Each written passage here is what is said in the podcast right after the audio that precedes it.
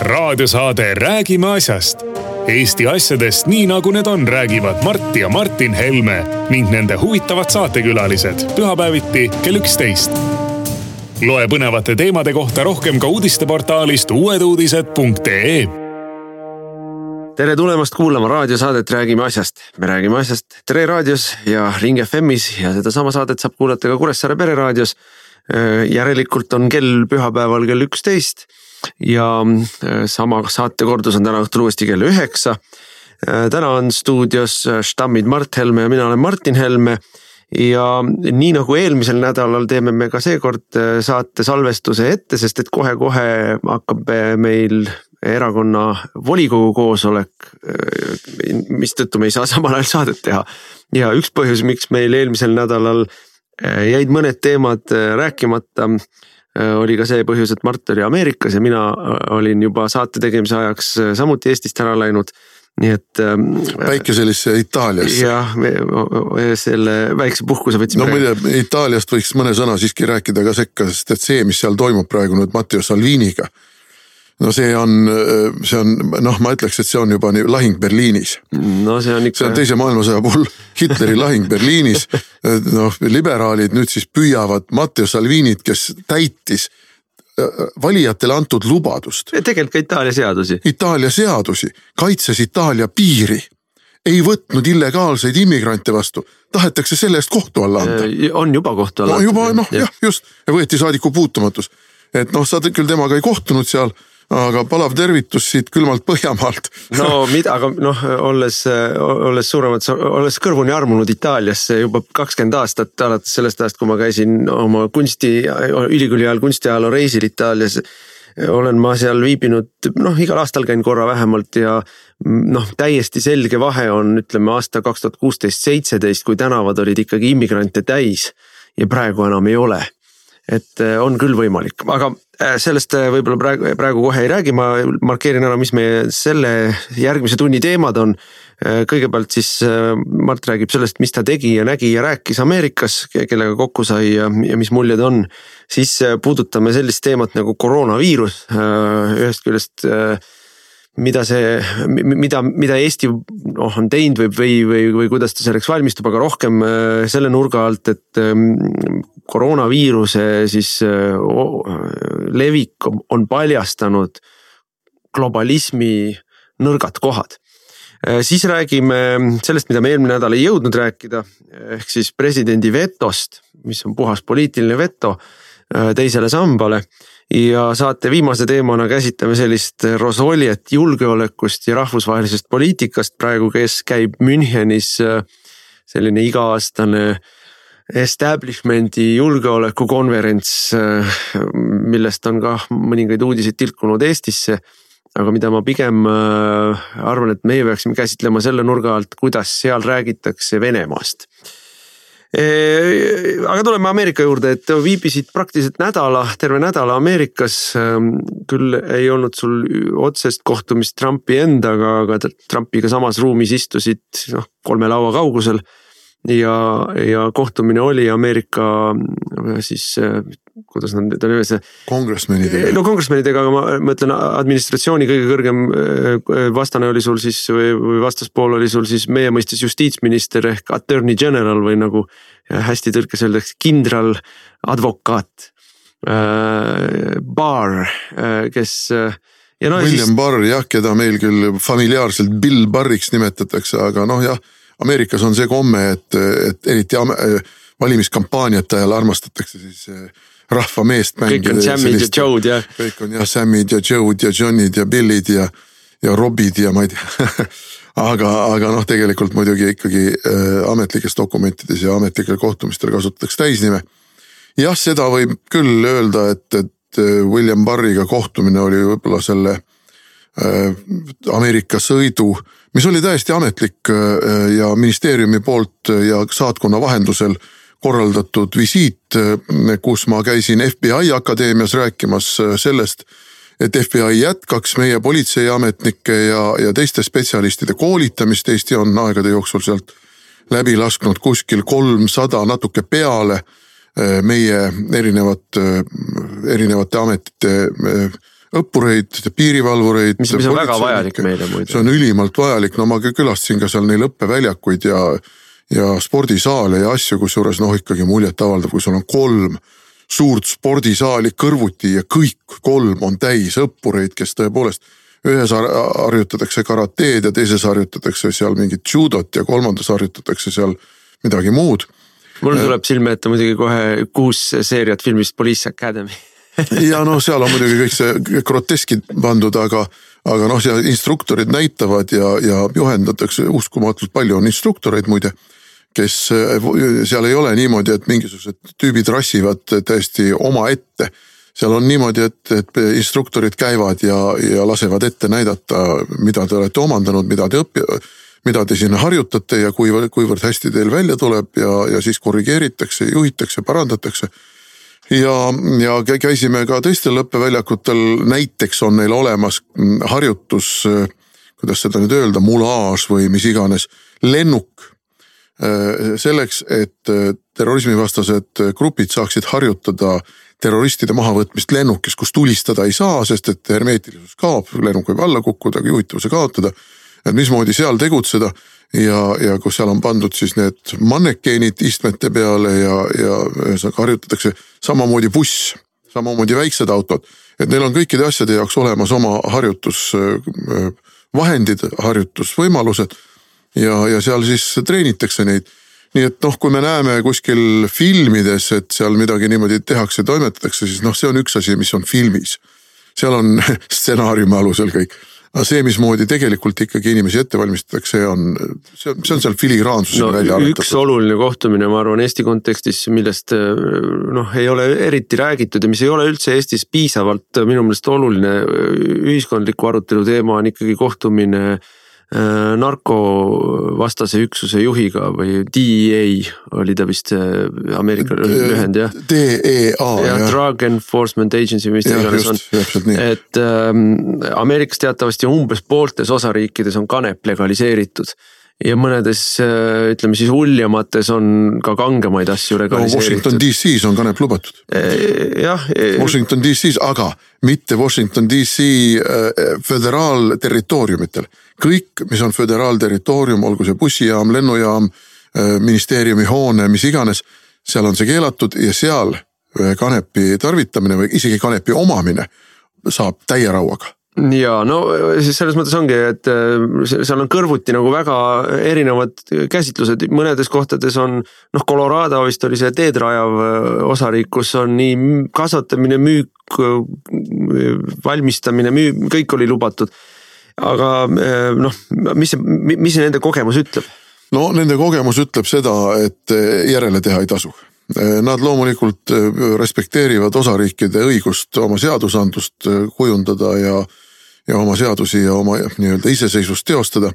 aga põhimõtteliselt eh, see on toonud kaasa tohutult palju eh, ka eh, asju, mille peale keegi ei oska tulla, nagu näiteks toodi meile selline, selline näide, et, et on järsult kasvanud lemmikloomadega arsti juurde minek, loomaarsti juurde minek, sellepärast et lemmikloomad on hinganud sisse kanepisuitsu on söönud võib-olla teinekord kanepitaimi või mis iganes nendega on juhtunud ja sattunud narkojoobesse ja hakanud käituma ebaadekvaatselt, tihti ka agressiivselt.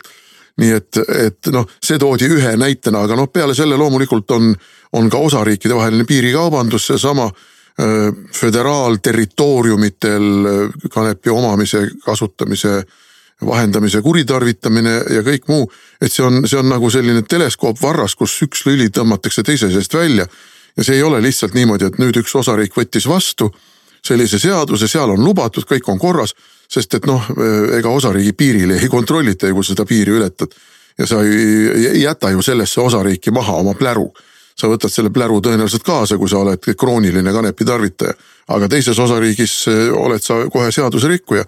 ja, ja, ja me leppisime kokku, et kuna meil on surve kanepi legaliseerimiseks väga tugev siis me selleteemalist koostööd jätkame, aga neil oli jällegi väga suur huvi meie fentanüülivastase võitluse suhtes ja loomulikult olime mõlemad äh, huvitatud sellest, et me vahetaksime kogemusi narko äh, äh, transiidi kinnipanemise osas, nad rääkisid sellest, kuidas neil lõuna suunas on kontroll läinud nii tihedaks, et suur osa kokaiinist näiteks, mis meil on muide kasvav trend, millest me ka rääkisime.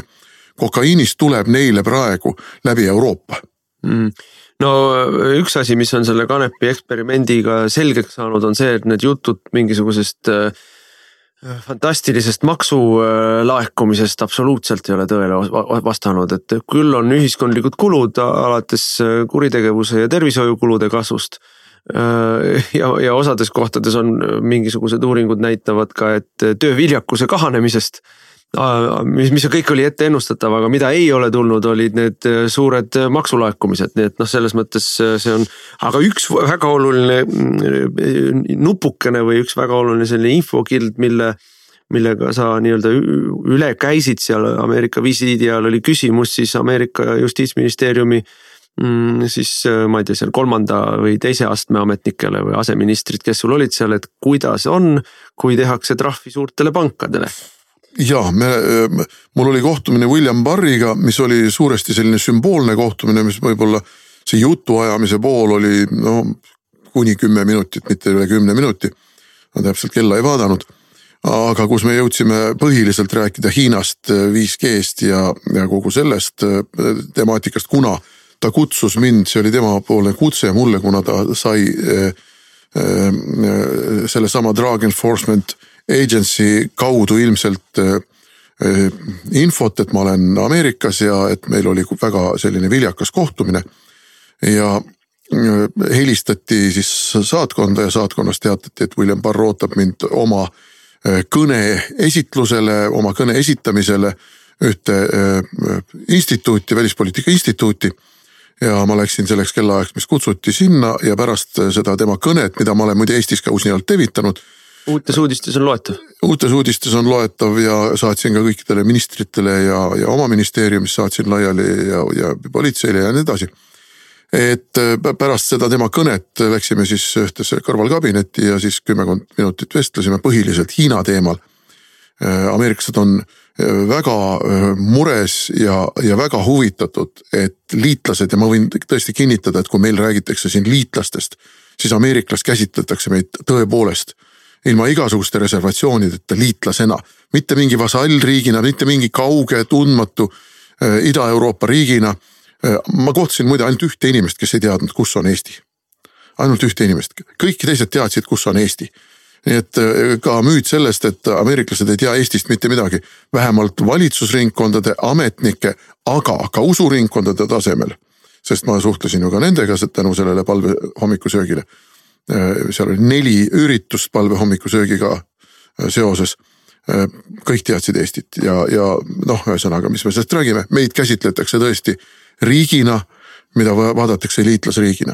Nii et see ei ole mingisugune meiepoolne väljamõeldis ja liialdus. Ja, aga pärast Barriga kohtumist, järgmisel päeval oli mul siis äh, justiitsministeeriumi kõrgemate ametnike äh, päris arvuka delegatsiooniga kohtumine, seal muude teemade hulgas me rääkisime ka rahapesust. ja, ja, ja mulle väga meeldivaks üllatuseks öeldi, kui ma tõstsin küsimuse, et me oleme loomulikult huvitatud, et me ei langeks siin Põhjamaade pankade valepropaganda ohvriks kes püüavad näidata, et nendel oli kõik korras, aga näete siin Ida-Euroopa väikeses riigis nimega Eesti pangaharudes toimus mingisugune pesu ja, ja korralagedus. et see ei vasta tõele, et kõik see oli nende kontrolli all, sisuliselt nende korraldatud ja kui nüüd jõutakse selleni, et neile määratakse trahvid, kompensatsioonid, siis Eesti kui üks kahju kannatajatest on selgelt huvitatud sellest oma osa saamine ja selle peale öeldi mulle, et aga see on iseenesestmõistetav. meil on väga palju, meil on lausa rutiinne, et me tegeleme väga paljude erinevate riikide pankades äh, toimunud äh, rahapesu paljastamise ja uurimisega, sest enama, enamikul juhtudel puudutab see ühel või teisel moel ka Ameerika Ühendriike. antud juhul nägid nad väga selgelt selles äh, meie rahapesus ka julgeolekumõõdet, kuna see on Vene raha, see on Vene oligarhide ja Vene tipp-poliitikute raha, Vene luureraha ja, ja öeldi, et see on iseenesestmõistetav, et sellisel juhul peab Eesti saama oma osa, see on neile täiesti rutiinne äh, protseduur aga räägi kahe sõnaga, et mitte ühe teema peale liiga pikalt, räägi sellest palve hommikusöögist ka. no palve hommikusöök mm, on neil traditsiooniline kui ma nüüd õigesti mäletan, kas neljakümne kuuendat või neljakümne kaheksandat korda juba.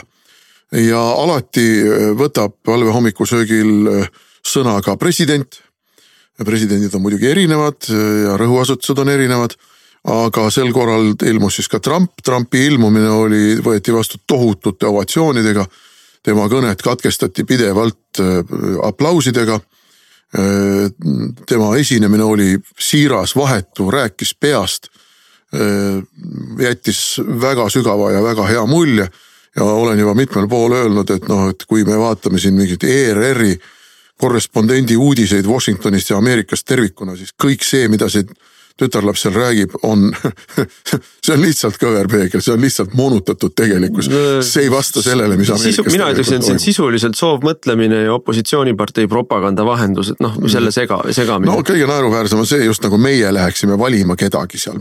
me Eesti inimesed ei vali Ameerikas mitte kedagi. aga mm, mis oli palve hommikusöögi läbivad kaks teemat ja need on väga tähelepanuväärsed teemad, üks oli puhas sisepoliitika aga mitte ainult tegelikult, noh, me näeme ju seda ühiskondade lõhestamist ja lõhestumist ka mujal, ka Eestis. üks oli lepitus ja kõikide palve hommikusöögi ürituste puhul olid äh, siis moderaatoriteks üks äh, vabariiklane ja üks demokraat. ja nad tögasid teineteist seal ja viskasid teineteisele nalja, aga põhimõtteliselt mõlemad äh, rääkisid sellest, kuidas Ameerika ei saa nii lõhestatuna edasi minna, tuleb otsida lepitust no tõsi küll. mis eriti siiras ei kõla, eks.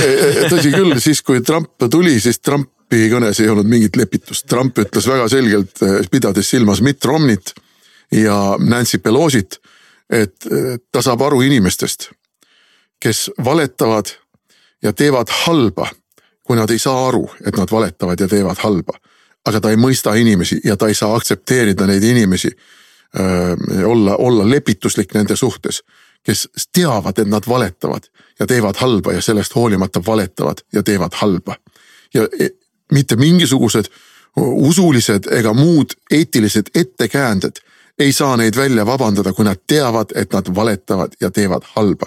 see oli tema kõne algus, aga noh, pärast ta läks edasi ka muude asjadega ja teine punkt, mille ta tõi välja, aga mis toodi välja ka mõnede teiste esinejate poolt, oli usuvabadus. aga usuvabadus mitte selles tähenduses, nagu meil siin Kersti Kaljulaid, kelle ette peab alati panema epiteedi joobespäi autojuhtimisega vahele jäänud Kersti Kaljulaid. nii nagu on ju meil kõik AfD-d on parempopulistid ja paremäärmuslased ja meie oleme marurahvuslased ja nii edasi. kui teie liberaalid kasutate epiteete, siis hakkame teie suhtes ka kasutama epiteete. joobespäi juhtimisega vahele jäänud Kersti Kaljulaid. Brüsseli ametnik nii, et mm, äh, teravik oli suunatud kristlaste tagakiusamisele kristlasi ja kristlust tuleb hakata kaitsma seal, kus nad on langenud tagakiusamise alla. see on terve maailm põhimõtteliselt. see on praktiliselt terve maailm, see on kaasa arvatud Euroopa ja üks, seal kokku oli neli üritust, nagu ma ütlesin, ühel üritusel võttis sõna üks, kui ma õigesti mäletan, oli ta belglane, kes ütles, et, et ta on Euroopas, ta näeb, mis seal toimub ja ta näeb, kuidas Euroopa kristlased eh, ohivad ja oigavad. issand, miks sa oled meid maha jäänud, kus sa oled, sa näed, mis toimub, miks sa meid ei aita. ja siis ta ütles, aga mina olen mõelnud, et aga jumal küsib vastu. aga kristlased Euroopas, kus olete teie? Te panete oma kirikuid kinni, võtate riste maha, panete, kirjutate oma seadustesse kristluse ja usu vastaseid ja vaenulikke ja, ja, ja oma põhiseadustest kristlust eemandavaid paragrahve. et kus olete teie, miks teie ei kaitse mind ja minu sõnumit, miks te rikute pühakirja, miks te rikute kümmet käsku, miks te ei tee seda, mida ma olen teile juhiseks ette pannud? et see on nagu kahesuunaline tänav ja nii et selles mõttes ja see üritus muidugi oli massiliselt suur ja mingi kolm. see üle kolme tuhande inimese ja, ja, ja hiiglaslikud saalid eh, puupüsti rahvast täis. Sedasi, aga nüüd me peame joone alla tõmbama, ühesõnaga see oli, ma arvan, et ühte aega viljakas ja teisest, eh, teise samal ajal eh, väga põnev visiit, et kindlasti sellele tulevad meile, selle, selle viljad alles tulevad meile küllap jõuab teinekordki käia seal neid asju edasi ajamas raadiosaade Räägime asjast. Eesti asjadest nii nagu need on, räägivad Mart ja Martin Helme ning nende huvitavad saatekülalised pühapäeviti kell üksteist. loe põnevate teemade kohta rohkem ka uudisteportaalist uueduudised.ee vahetame teemat, nüüd me läheme ühe hoopis teise teema, teemaga edasi, mis on ilmselt ka Eesti inimesi ärevusse ajanud. ja mina väidan, et see ärevusse ajamine on osaliselt taotluslik see on siis koroonaviirus ja selle ümber noh, ma ütleks niimoodi, et lõõtsutatav paanika või, või hüsteeria noot. mina, me, meil oli ka valitsuses oli ülevaade sellest, meil käisid erinevad vastava asja vald, valdkonna inimesed, kes selle ettevalmistusega peavad tegelema Eestis ja kellel on olemas plaanid selleks puhuks, kui see haigus peaks Eestisse massiliseks kuidagi jõudma ja, ja muutuma massiliseks terviseprobleemiks. et ähm, äh, esialgu praegu küll eelkõige me näeme seda, kuidas ikkagi see haiguskolle on peamiselt Hiinas. ja me näeme seda, kuidas siis äh, surmad, mis on väljaspool Hiinat olnud, on ka ikkagi seotud, äh, on, on enamasti kõik hiinlased ise, kes on Hiinast lahkunud juba haigestununa aga mul on üsna äh, noh, selge, et ega see päris nii lihtne ei ole, et selle haiguse nii-öelda levik ei ole kindlasti peatatud et äh, selles mõttes kindlasti ei saa kuidagi olla noh, ütleme lükata kõrvale seda muret või öelda, et äh, paanik, noh, et kogu see, kogu see mure on asjatu. aga paanika külvamine minu meelest on ka kurjast, see kindlasti ei aita. Ehm, äh, noh, mida me selle haiguse kohta muidugi ütlema peame, on see, et see on viirus, see ei ole bakterioloogiline haigus, et inimesed tihtilugu ei äh,, ei tee neil vahetki, et kui me räägime siin suurtest äh, epideemiatest, mis on tohutuid rahvahulkasid tapnud, siis need on kõik bakterioloogilised olnud, noh näiteks katk on bakterioloogiline haigus, eks ole. või, äh, või, või mingisugused äh, tühvused või muud asjad, eks ole, need aga see on viirus. ja nende vastu aitab muide antibiootikum. Nende vastu aitab antibiootikum, eks, aga see on viirus ja viiruse vastu ei ole tõepoolest mõeldud välja ravi viiruse vastu, küll aga on välja mõeldud vaktsiine ja, ja see siis tähendab seda, et kui üks äh, tõsine viirus tekib, mm, siis mingi aja jooksul ütleme, kui tõeliselt tõsiselt pingutatakse, siis see ajaraam võib siin olla, ütleme kusagil kaks aastat. Äh, ehk võib-olla õnnestub kiiremini, kui leitakse mingisuguseid äh, juba välja töötatud vaktsiine, mis on suhteliselt sarnased või, või reageerivad sellele haigusele suhteliselt sarnase haigusega et, ähm, et, et noh, see, see on, see on mõeldav, aga äh, noh, mis, mis ei aita, mida ütlesid ka meile need spetsialistid, kes meil valitsuses seda olukorda käisid kirjeldamas, kindlasti ei aita see, kui me käime ringi päevad läbi mask näos no vastupidi aitab kah... paar tundi. jah, see teeb pigem kahju, et kui see mask muutub sul niiskeks, siis ta pigem teeb kahju et teda ette panna mingisuguses olukorras, kus sa oled tihedamas rahvamassis või kokkupuutes mingite inimestega, siis on tast kasu, aga, aga kui sa kogu aeg temaga ringi käid, siis ta teeb pigem kahju. ja, ja muidugi aitab see, kui sa käsi korralikult pesed ja, ja noh, mida öeldakse ka, on see, et praegu ikkagi on äh, näha, et haiguse, ütleme siis äh, sellesse haigusesse surevad inimesed, kellel on mingid muud tervisemured ka veel, et terved inimesed, kellel noh, ütleme kogu immuunsüsteem üldiselt toimib, elavad selle üle. Aga, aga mina noh, ütleksin, tahaksin eelkõige selle koroonaviirusega seoses nagu pigem keskenduda sellele, et ta on täielikult paljastanud selle, kui halb see on, et kogu maailm ostab kõik oma träni Hiinast. Ja kui haavatav ja kokkuvarisemise äärel on äh, selline globaalne majandusmudel, millega me oleme väga harjunud, ütleme siin viimased nelikümmend aastat, võib-olla viimased kolmkümmend aastat. näiteks lugesin ma äh, kokkuvõtet, Ameerika ametnikud olid teinud, Ameerika ametkonnad ka vastavad ametkonnad olid teinud kokkuvõtte, et umbes üheksakümmend protsenti kõikidest antibiootikumidest, mis Ameerikas on, sisaldavad vähemalt mõnda komponenti, mida toodetakse Hiinas vähemalt mõnda komponenti ehk üheksakümmend protsenti Ameerika antibiootikumidest sõltub Hiina tarnest. ja, ja, ja osade ravimite puhul on see praktiliselt sada protsenti. Ehm, nii et ehm, kui nüüd Hiinas ju tänase päeva seisuga seisab kuskil kaheksakümmend, üheksakümmend protsenti majandusest on seisma pandud, tehased on seisma pandud, kontorid on seisma pandud, sadamad on seisma pandud. inimesed, isegi suured poed on seisma pandud ühistransport on seisma pandud, et viirus ei leviks. ma rääkisin hiljuti ühe Eesti eksportööriga, kes ütles, et meil on põhimõtteliselt kaup teele pandud Hiina suunas, aga me ei tea, kas see kaup tee kohale jõuab, sest et Hiinas ei võta keegi vastu seda. isegi kui vastu võetakse, ei, ei, ei, ei ole kedagi, kes teeks ülekannet meile. et eh, noh, see, see, see muidugi noh, see, mis toimub, see on selles mõttes, lugesin vist täna lugesin uudist, kuidas eh, Hiinas on valitsus otsustanud, et koroonaviiruse haigussümptomite varjamise eest on ette nähtud surmanuhtlus et see on ikka, see näitab, millise riigiga tegelikult tegemist on, see on totalitaarne riik igal juhul. kus äh, raske rusikaga lahendatakse keerulisi olukordasid ja see ei ole efektiivne nagunii.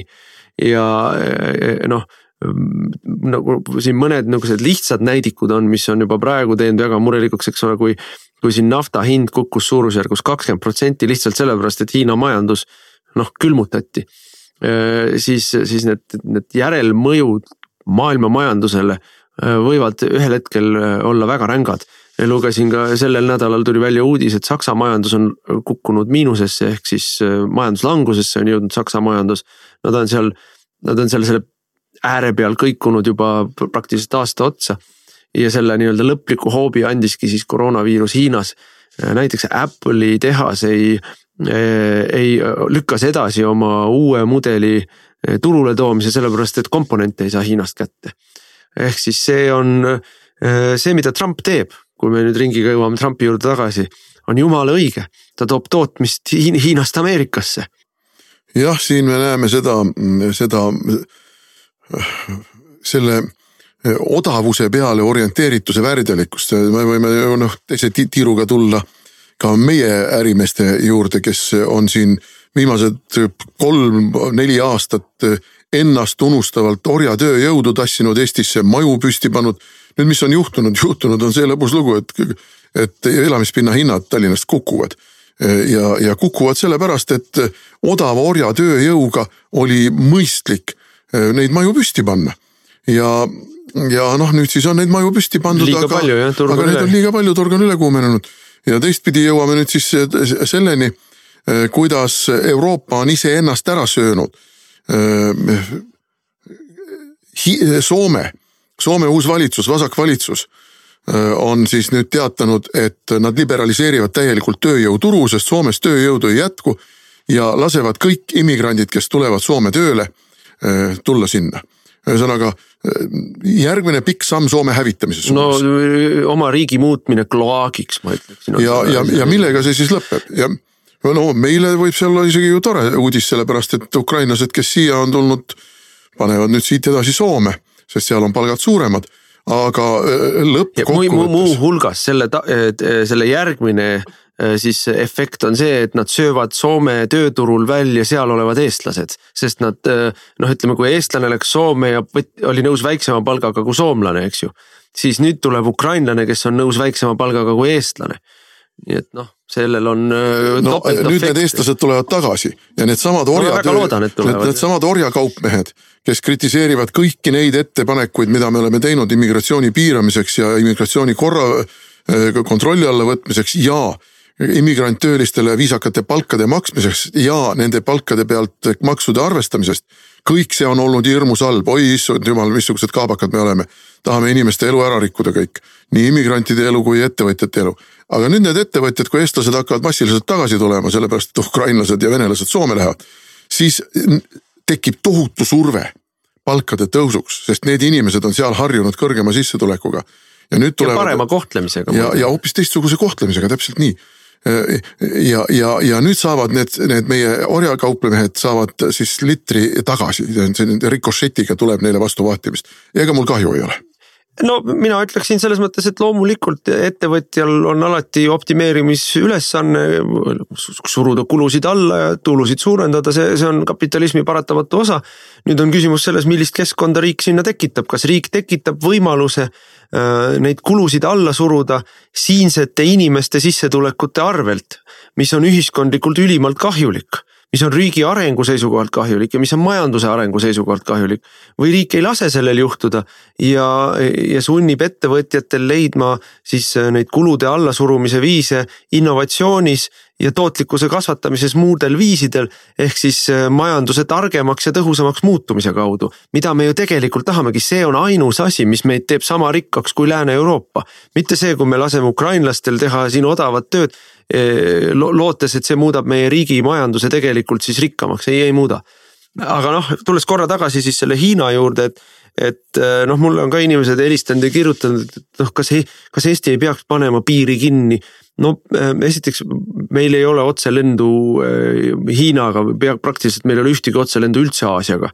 Mm, küll aga on otselennud Aasiasse Helsingis ja, ja ka Riiast. Nii et selles mõttes ma ei kujuta ette ja seda piiri kinnipanemist ei ole tegelikult praegu veel mitte keegi peale Hiina enda otsustanud, Hiina on pannud küll siseriiklikult eelkõige no,. lendusid on kinni, ikkagi ära jäetud, tegelikult on suur osa riike kas piiranud või täitsa kinni pannud lennud Hiina. nii et noh, see on üks asi, aga teine asi on see, et ma, ma üldiselt arvan, et see on mõnes mõttes selline pakasuhha nagunii, et ega siis äh, see ei hoia ära meie tänapäevasel ajastul, kus inimesed nii massiliselt liiguvad ei hoia ära selle haiguse levimist nii või teisiti, et, et mida ja ma arvan üldiselt, et Eestis ei ole vaja üldse väga liiga palju muretseda. sest et Eesti on esiteks hõredalt asustatud riik ja, ja otse, otseühendusi nende haiguskolletega ei ole. Aga noh, olukorda tuleb jälgida, ega siis, kui, kui tõesti, kui tõesti ilmneb, et meil on äh, meil ka hakkab ta kiiresti levima, ehk siis tuleb mingisuguseid niisuguseid ka raskeid otsuseid teha. no ma ütleks veel seda, et ma ei ole küll nüüd paarkümmend aastat juba Hiinas käinud, aga noh, ma oletan, et kuigi seal võib-olla pilt on mõnevõrra paranenud, siis meie hügieeniharjumused, hügieenitingimused, see, mismoodi me elame.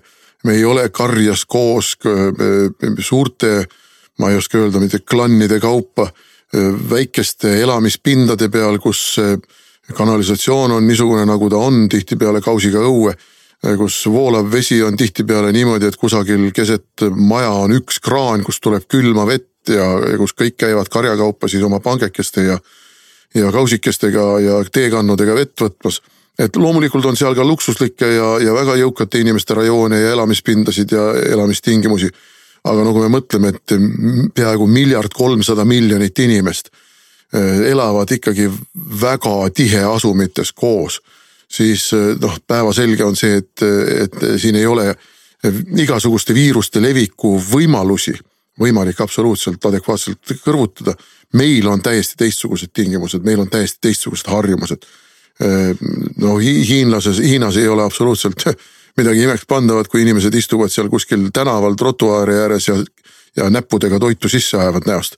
et noh, meil sellist asja ikka ei ole jah, ja noh, mis on veel, et Eestis ikkagi on olemas laborid, mis testivad sisuliselt viieteist minutiga selle haiguse ära, et noh, kui me siin loeme mingitest laevadest, mis on laev, laevad on pandud äh, karantiini, et noh, haigus on, peiteaeg on siin mitu nädalat et see karantiin on ju põhjustatud, põhjendatud ainult sellisel juhul, kui sul ei ole võimalik inimeste inimesi testida. aga Eestis on võimalik inimesi testida ja kohe see testi tulemus ka kätte saada ja noh, Eestis inimesed ei teadvusta seda võib-olla, aga Eestis sureb igal aastal tavalisse grippi umbes paarsada inimest.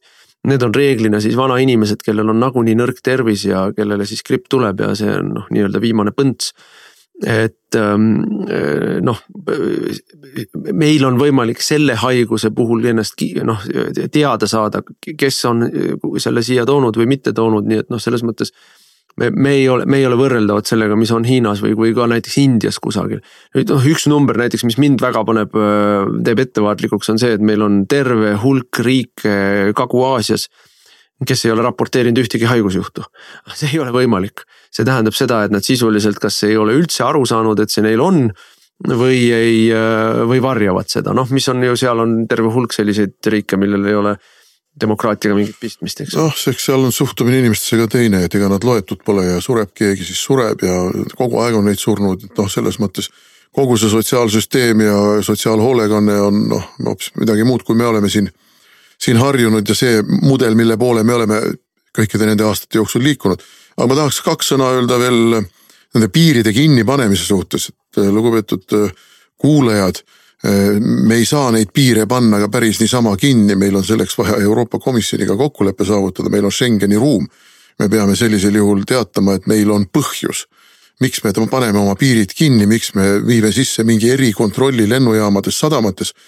meil ei ole ju koroonajuhtumeid, me vähemalt ei tea, et meil oleks koroonajuhtumeid, et need noh selle põhjendusega praegu nüüd minna kuskile Euroopa Komisjoni ja öelda, me paneme piirid kinni, sest et Hiinas on üle tuhande inimese juba koroonasse surnud, meid naerdakse välja.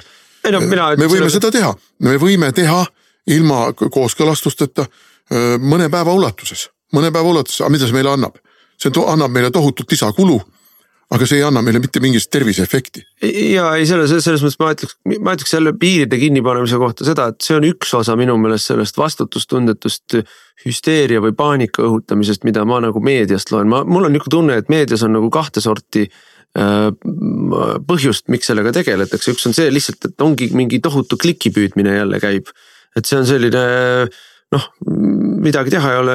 Äh, halvad uudised müüvad või noh, ütleme surm müüb ja, ja, seda tehakse noh, täiesti küüniliselt kommertsiaal, kommertsiaalsetel eesmärkidel.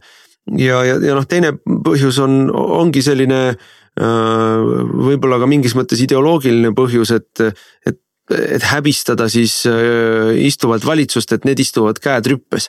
ja ei tee midagi ja ei valmistu ette ja, ja kus te olete ja millega te tegelete, et noh.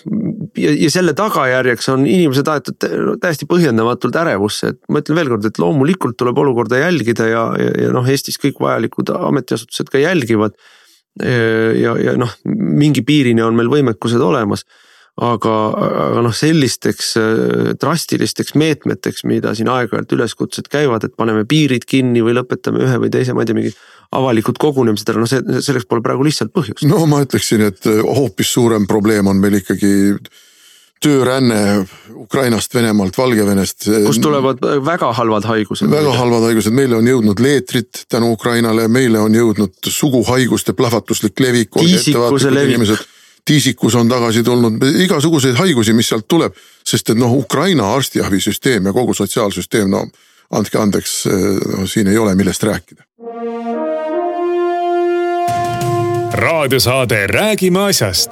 Eesti asjadest nii nagu need on, räägivad Mart ja Martin Helme ning nende huvitavad saatekülalised pühapäeviti kell üksteist loe põnevate teemade kohta rohkem ka uudisteportaalist uueduudised.ee jätkame saadet, äh, räägime nüüd äh, tegelikult rohkem, jätkame nii-öelda rahvusvahelisel lainel või rahvusvaheliste teemadega, et see toimumas on Müncheni julgeolekukonverents, mis, mis tekitab sellistele äh, rahvusvaheliste suhete friikidele nagu meie siin kahekesi poole kohaga oleme põnevust, aga mis on, mis on loomulikult ka noh, ütleme päris mõjuga Eesti, Eesti riigile ja Eesti inimestele, et Äh, märkimisväärne on seal, äh, on seal see, ähm, kui, kui äh, meil siin Eestis armastatakse lüüa templit otsa ette nii meile kui meiega sarnastele poliitilistele jõududele, nagu näiteks Marine Le Penile või sellele samale Matteo Salvinile või või kellele iganes, et need on kõik Vene sõbrad, need on kõik Vene sõbrad, siis viimane kõne, mille pidas Macron sealsamas Müncheni konverentsil noh, oli, oli, oli ju totaalne, totaalne venelaste upitamine. no me läheme ajalukku tagasi ja tegelikult kõige otsemalt ja kõige jõhkramalt Euroopasse geopoliitilist ebastabiilsust ja eriti oma idanaabrile Saksamaale hirmu külvav kõne kui Prantsusmaa tahab venelastega jälle mingisugust erisuhet, erisuhet, siis sinna kahe vahele jääb nagu võileivatäidis Saksamaa. sinna vahele jääb Ida-Euroopa ja Kesk-Euroopa. mida siis mõtleb Macron, mida Venemaa piiriäärsed riigid peavad tundma, kui, kui üks Euroopa Liidu juhtriik, selle president teatab, et meil on vaja erisuhet Venemaaga. sanktsioonid on vaja tühistada, Venemaaga on vaja hakata korralikult läbi saama ja ameeriklased tuleb unustada no see on, äh, paneme siia konteksti veel juurde, see on äh, inimese poolt, noh, Macron on ikkagi ju ähm, väga suure ambitsiooniga, tema tahab saada pärast Merkeli areenilt lahkumist nii-öelda Euroopa juhiks. ehk siis äh, võtta üle kogu, kogu ka Euroopa Liidu siis sellise suure poliitilise agenda kujundamise ja, ja, ja noh, ma, mul on raske ausalt öeldes isegi mõista, kui kehva kõrvakuulmisega või, või, või noh, kui halva sellise sõrmeotsa tunnetusega peab olema. no selle jaoks peab ikka olema tõeline noh, selline arrogantne kall ja kukk et äh, mitte mõista, millist äh, noh, millist vastuseisu ja pahameelt ja ärevust see tekitab nendes riikides, kes piirnevad Venemaaga ja ärme ka unusta seda või paneme seda konteksti ikka veel juurde. et äh, me ei räägi Venemaast üheksakümnendatel või isegi nullindatel. me räägime Venemaast, kes on süstemaatiliselt viimased viisteist aastat ehitanud, tugevdanud ja ehitanud üles oma sõjalist võimekust, kes on viimased kümme aastat olnud Äh, noh, sisuliselt sõjalises konfliktis mitme oma naabriga ja kes on viimased, ütleme võib-olla ka natuke rohkem kui viis aastat, natuke vähem kui kümme aastat. Mm, siis äh, Lähis-Idas äh, noh, madalatasemelist sõjalist sekkumist pidanud juba pikemat aega, eks. et see on, see on see, see, see on see kontekst, et see ei ole lihtsalt noh, üks sihukene natuke teistsugune riik, Euroopast itta jääv riik, vaid see on, see on, see on väga selgelt revanšistlikku ja agressiivset poliitikat ajav riik. ei no tõlgime nüüd ikkagi ära selle Macroni jutu. Macroni jutt tähendab seda, ameeriklased, me ei vaja teid, te nagunii meid ka ei taha. Trump ajab isolatsionistlikku kurssi, lõpetame kogu oma suhte Ameerikaga, aga see tähendab seda, et me peame sisse seadma suhte Venemaaga. selleks, et sisse seada töötav, usalduslik ja Venemaad ja Prantsusmaad rahuldav suhe, tuleb küsida venelastelt, mida te tahate ja kas me saame teile seda anda. tahate Baltikumi? jaa, selle me saame teile anda. tahate Ungarit? jaa, selle me saame teile anda. tahate Poolat? noh, sellega tekib raskusi, aga Poola, võite ka saada. Poola hakkab vastu, eks. jah, Poola hakkab vastu, aga noh kui oskate hästi asju ajada, võite ka saada. Ida-Ukrainast üldse ei räägi, eks ole. jah, Ukraina, see on juba unustatud.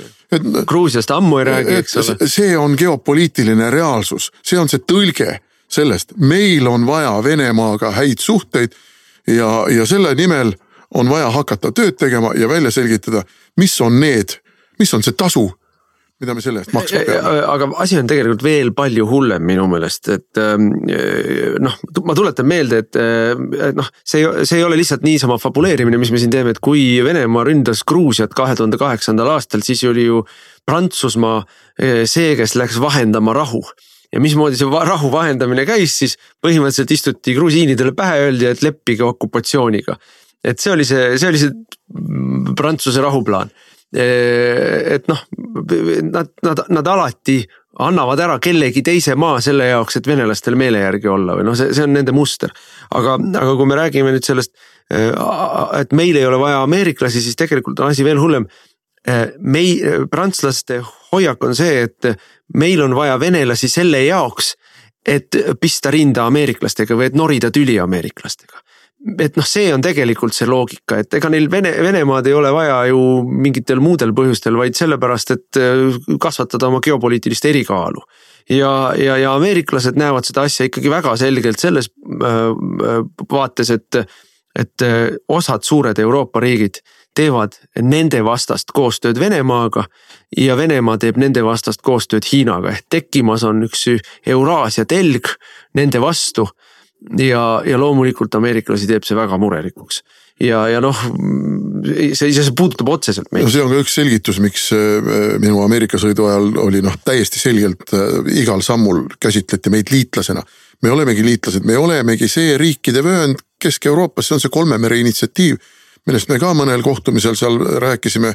see on siis Läänemerest Musta mere ja Aadria mereni. see on see vöönd, mida ameeriklased vajavad et Prantsuse kalja kukk ja Vene karu ei saaks koos äh, ühise Euroopa sõnniku-hunniku otsas kekutama hakata. et äh, noh, äh, asi on väga karm. tavainimene ei saa aru, kui karm on tegelikult rahvusvahelises poliitikas olukord.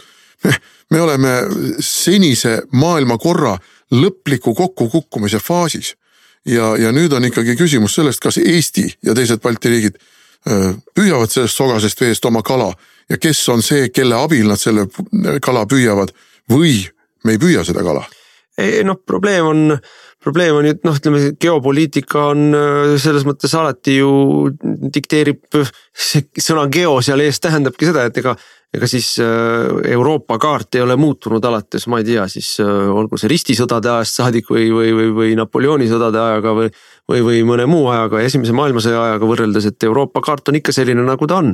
On paar suurt tugevat ja ambitsioonikat Lääne-Euroopa riiki ja siis on seal vahepeal vahevöö ja siis on Venemaa ja äh, kui need suured riigid tahavad omavahel teha Venemaaga koostööd, siis siis selle koostöö nii-öelda tasakaalustamine või selle, selle koostöö neutraliseerimine eeldab selle vahevöö sõltumatust neist kahest. et nad ei ole, et nüüd ütleme, see kolme mere initsiatiivi riigid ei ole siis allutatud kas ühiselt või ära jagatud, nii nagu MRP ajal jagati, eks ole, huvisfäärideks ja, ja allutatud siis ühe teise poole äh, tahtele et, et noh, see, see, see need, need, need rumalad loosungid, mida meil Marko Mihkelsoni taolised ikka veel hõiguvad siin. on, on, on tegelikult mitte lihtsalt naiivsed, vaid nad on ohtlikud, sest et nad ehitavad üles meie välispoliitikat ja meie julgeolekupoliitikat mingitele eeldustele ja struktuuridele, mis tegelikult enam ei funktsioneeri. See on seesama maailma, senise maailmakorra lõpliku kokkukukkumise faas. See ei ole veel näha aga kui äh, Putin teeb ettepaneku julgeolekunõukogu viiele alalisele liikmele kokku saada, siis see sisuliselt tähendab seda ÜRO kui niisuguse lükkame kõrva, kõrvale ja viiekesi hakkame maailma jagama noh, mida venelased väga hästi oskavad, väga hästi oskavad. millega nad on ka alati Täpselt üldiselt nii. teistel naha üle kõrvade aga tulnud. no mina tegelen ikkagi Eestis väga selgelt ja otseselt julgeoleku valdkonnaga, me võime seda nimetada sisejulgeolekuks, aga see loomulikult läheb sujuvalt üle ka välisjulgeolekuks. ja, ja ma näen praegu seda, ma palehigis töötan praegu pikkade päevade kaupa selle tegemata jätmise kiires korras tagasi tegemiseks mis kogu selle pika Reformierakonna mugavusperioodi jooksul on lastud alla vett. see, mis on Eesti sisejulgeolekus tegemata jäänud, see, kui õhukeseks on Eesti sisejulgeolek hõõrud, ma toon ühe näite. meil oli mm, kahe tuhande seitsmendal aastal politseinikke umbes kümme tuhat. praegu neid siis, on. siis kui, siis kui ja. oli pronksiöö, eks ju praegu neid on, ma ei ütle täpset numbrit, aga ma ütlen, praegu neid on oluliselt vähemaks jäänud. no peaaegu kolm korda vähem ma ütleks. jah, ma, ma ei hakka päris täpset numbrit ütlema no,, pole vaja. aga, aga neid on jäänud oluliselt vähemaks ja probleem on ka selles, et me ju näeme väga selgelt, kuidas meil nii päästes kui politseis pikka aega ei tõstetud palkasid, palgad ei olnud konkurentsivõimelised. ja nüüd me oleme jõudnud siis olukorda, kus meil lähema kolme aasta jooksul hakkavad inimesed pensioneeruma ja noored selle palgataseme peale ei ole tulnud. nüüd me tõstsime küll palka, aga see ei ole loomulikult piisav, palkasid on veel vaja tõsta. et me saaksime ära komplekteerida, Sisekaitseakadeemia ütleb, et nemad võivad koolitada oluliselt rohkem nii politseinikke, päästjaid kui piirivalvureid. aga inimesi ei ole, tahtjaid ei ole. no meil on piirkondi, meil on äh, meil on üksuseid, kus kolmandik inimesi on komplekteerimata Eestis. ja see kõik on, see kõik on need patriootlikke ja Euroopa-meelsete, euroopalikke väärtusi maale toonud äh, riigivalitsejate töö tulemus. No, seesama küsimus, seesama küsimus ennem kui me koroonaviirusest rääkisime, et paneme piirid kinni, tegelikult meil ei ole ju võimekust piirikontrolli pikaaegselt üleval hoida, sest meil ei ole neid inimesi enam meil ei ole võimekust, et piirivalve tuleb alles taastada, aga see on asi, mida sa oled ette valmistanud kogu oma ametioleku aja. see võtab aega ja see võtab raha, ega see ei ole lihtsalt niimoodi, et nipsust lööme ja meil on piirivalve uuesti olemas. nipsust löödes oli ta laiali saadetud. just, aga äh, tuleme ikkagi juurde siia, et äh, inimeste taga ja inimesed on raha taga, on vaja suunata see ressurss, on vaja leida see ressurss ja noh, selle ülesehitamine võtab, kui me kiirkorras teeme, forsseerime no aga no, mitu aastat ikkagi. kaks-kolm aastat, see on forsseeritult. ja, ja ma ütleksin, kui me ennem rääkisime siin Ukraina töölistest ja eestlastest Soomes, et väga paljud neist inimestest, kes töötasid sisejulgeoleku valdkonnas, läksidki pärast pärast neid koondamisi äh, ära Soome, et äh, selles mõttes väga seda, seda profiili on seal väga palju. ega ka kaitseväest läks ära. just, et see on, see on ikkagi noh, see on, see on, see on, see on hirmus auk, mis on tekkinud ja noh, ma ikkagi väga palju äh, oma töö juures ka noh, kui suhtlen meie valijatega või, või ka erakonnakaaslastega. ütlevad, et, et tulemusi tahaks rohkem näha no see, kui sul on kakskümmend aastat tegemata tööd või, või sohu veetud vankrit, siis ei saa mõne kuuga seda ära kompenseerida, see on, võtab ikka tükk maad rohkem aega. tähtis on see, et me tuvastame mure või probleemkohad ja, ja hakkame õiges suunas liikuma. ei no me oleme õiges suunas liikuma hakanud, ma olin äh, reedel häirekeskuse talvegalal ja, ja äh, rääkisin seal ka teiste meie ametite juhtidega, ametite juhid ütlesid, et see, et me tõstsime sel aastal inimeste palkasid, on selgelt näha motivatsiooni kasvus. inimesed on hoopis motiveeritumad aga selge on see, et selle ühekordse ja mitte väga suure tõstmisega me ei saa kõike seda kahekümne aasta tegemata jätmist tehtuks loet-, lugeda. ja no ja noh, ütleme sul on siin mitu muret, üks on see, et äh, värsket verd ei tule peale ka, eks ole, seesama noorte kadettide pealetulek ju jõuab edasi ka siis äh, juba nii-öelda põlla peale. aga ma tuleks tagasi nüüd rahvusvahelise olukorra juurde, et me siin praegu läksime korraks äh, sisepoliitikasse või, või ka sisejulgeolekusse et üks põhjus, miks Macron noh, on endale võtnud sellise positsiooni, et ta et noh, tal on selge pretensioon ja ambitsioon olla Euroopa nii-öelda uus juht, on selles, et Mutti Merkel on, on noh, praktiliselt pildilt ära kukkumas, teda noh, on sisuliselt on tal erakonna sees, aga ka riigis sees, ütleme valitsuse sees on tal võim käest ära libisenud, et võim, selle kohta ütles omal ajal Jossif Stalin, võim on asi, ainus asi, mida teeselda ei saa. ja, ja, ja, ja seda ei ole enam tal võimalik teeselda. lõplikult siis paljastus äh, see selles, et tema poolt isiklikult välja valitud ja ametisse pandud erakonna juht.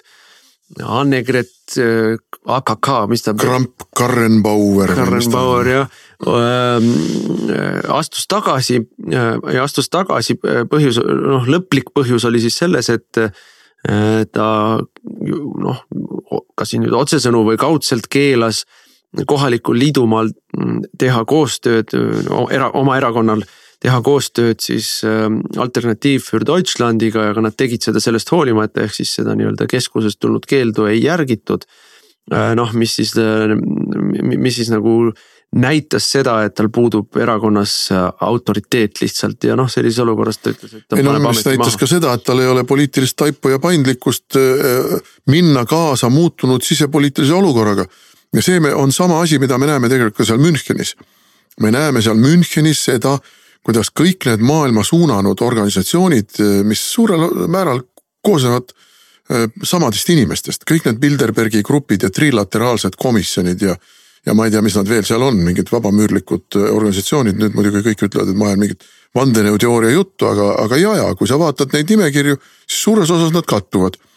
Need on tülli läinud omavahel no,. Ameeriklased on väljas sealt. sest Ameerika presidendiks on Donald Trump ja Ameerika ei ole enam see juhtiv jõud, suunav jõud ja agendat dikteeriv jõud, vaid Ameerika ajab oma poliitikat ja nüüd on nagu peatakanad kõik need Macronid, Merkelid ja, ja muud tegelased.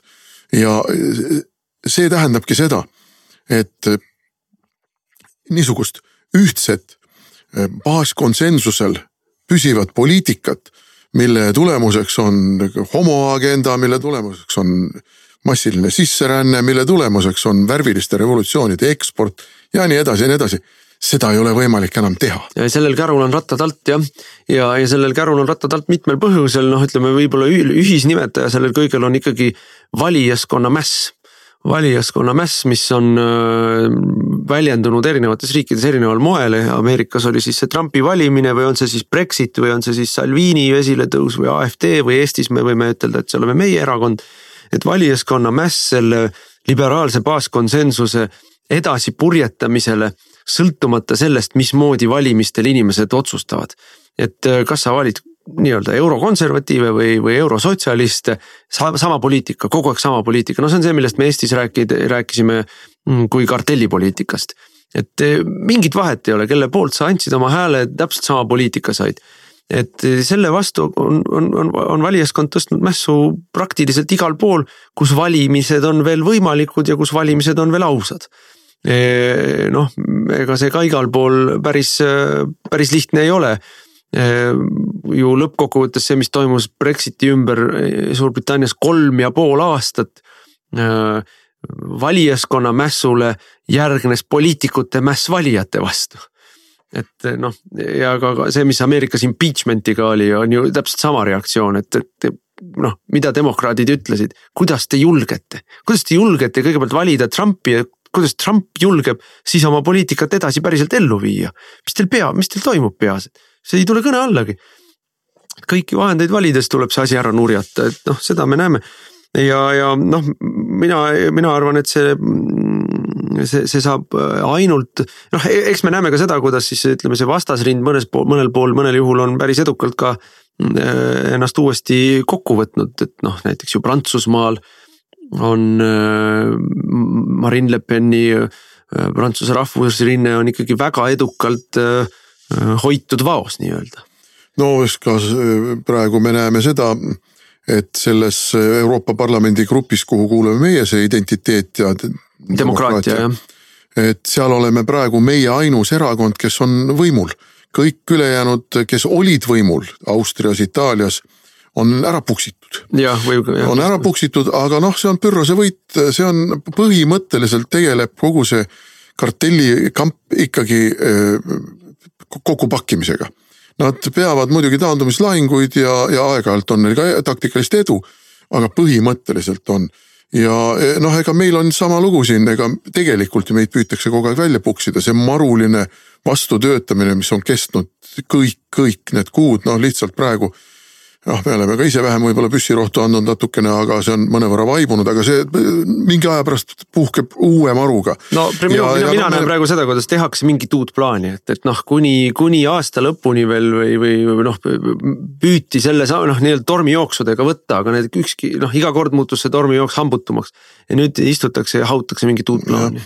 et see tuleb, tuleb uuesti, tuleb mingil teisel moel ja noh, ma julgen ennustada, et, et eks meil püütakse ilmselt organisatsiooni kallale tulla seda seestpoolt lammutama hakata ja, ja seda siis afišeerida, kuidas meil kõik asjad on halvasti. et noh, siin kõik on ju põhimõtteliselt poliitikas ära proovitud sajandite jooksul, aastatuhandete jooksul. males on rohkem käike kui poliitikas, nagu üks meie tuttav armastas öelda. ja, ja, ja kõik see tuleb ja eks me näeme ka seda, kuidas noh, meil ka koalitsioonis sees, ega siin ju aeg-ajalt seda poliitilist armukadedust ei varjata ja no üks, üheks selle ilminguks on see, kui, kui aeglaselt liigutatakse käsi ja jalgu näiteks nende PPP projektide. aga ka immigratsiooniseaduste kooskõlastamisel. ei kooskõlastajate leitakse mingisuguseid märkusi, täiendusi, vastuväiteid no,. hirmsasti venivad mõne asjad jah. et, et noh, et, ikka saaks et, et inimesed meis pettuksid, et inimesed saaksid öelda, no said ka võimule, aga no mis seal siis nüüd muutunud on.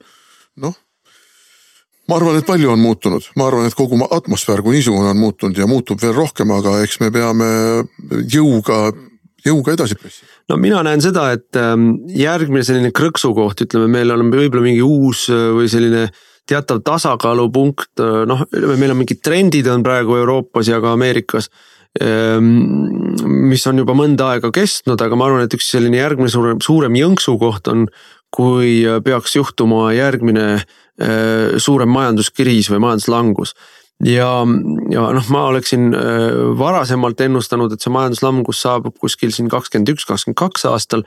aga kui ma vaatan seda, mis toimub selle koroonaviiruse ümber, äh, siis võib ka varem juhtuda, võib sel aastal juhtuda ja minul on selline isiklik äh, lõbus vandenõuteooria, et koroonaviirus on on, on, on tehtud või on lastud laiali selle eesmärgiga, et maailma majandus ajada äh, langusesse ennem selle aasta lõpus või novembris toimuvaid Ameerika presidendivalimisi, et teha kahju Trumpile äh, noh, lubage mul natukene fantaseerida, eks ole.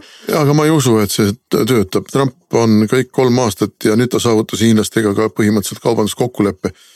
et see ei, see ei tööta, see ei tööta, ta on nii palju Ameerikasse tagasi toonud ja no ma usun, et see võib ka bumerangina vastu lüüa, sellepärast et eh, sisuliselt eh, see võib teistpidi töötada, et eh, Trump ütleb, et aga mul ongi kogu aeg õigus olnud, et peabki olema Ameerika ennem kõike ja tootmine siin. ega siis liberaalid on tegelikult kõiki asju valesti teinud.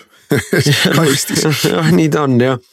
Aga me, me ei jõua rääkida nüüd teisest sambast, ju me saame sellest rääkida mm, järgnevates saadetes ka, sest et teema ei ole kadunud kuhugile.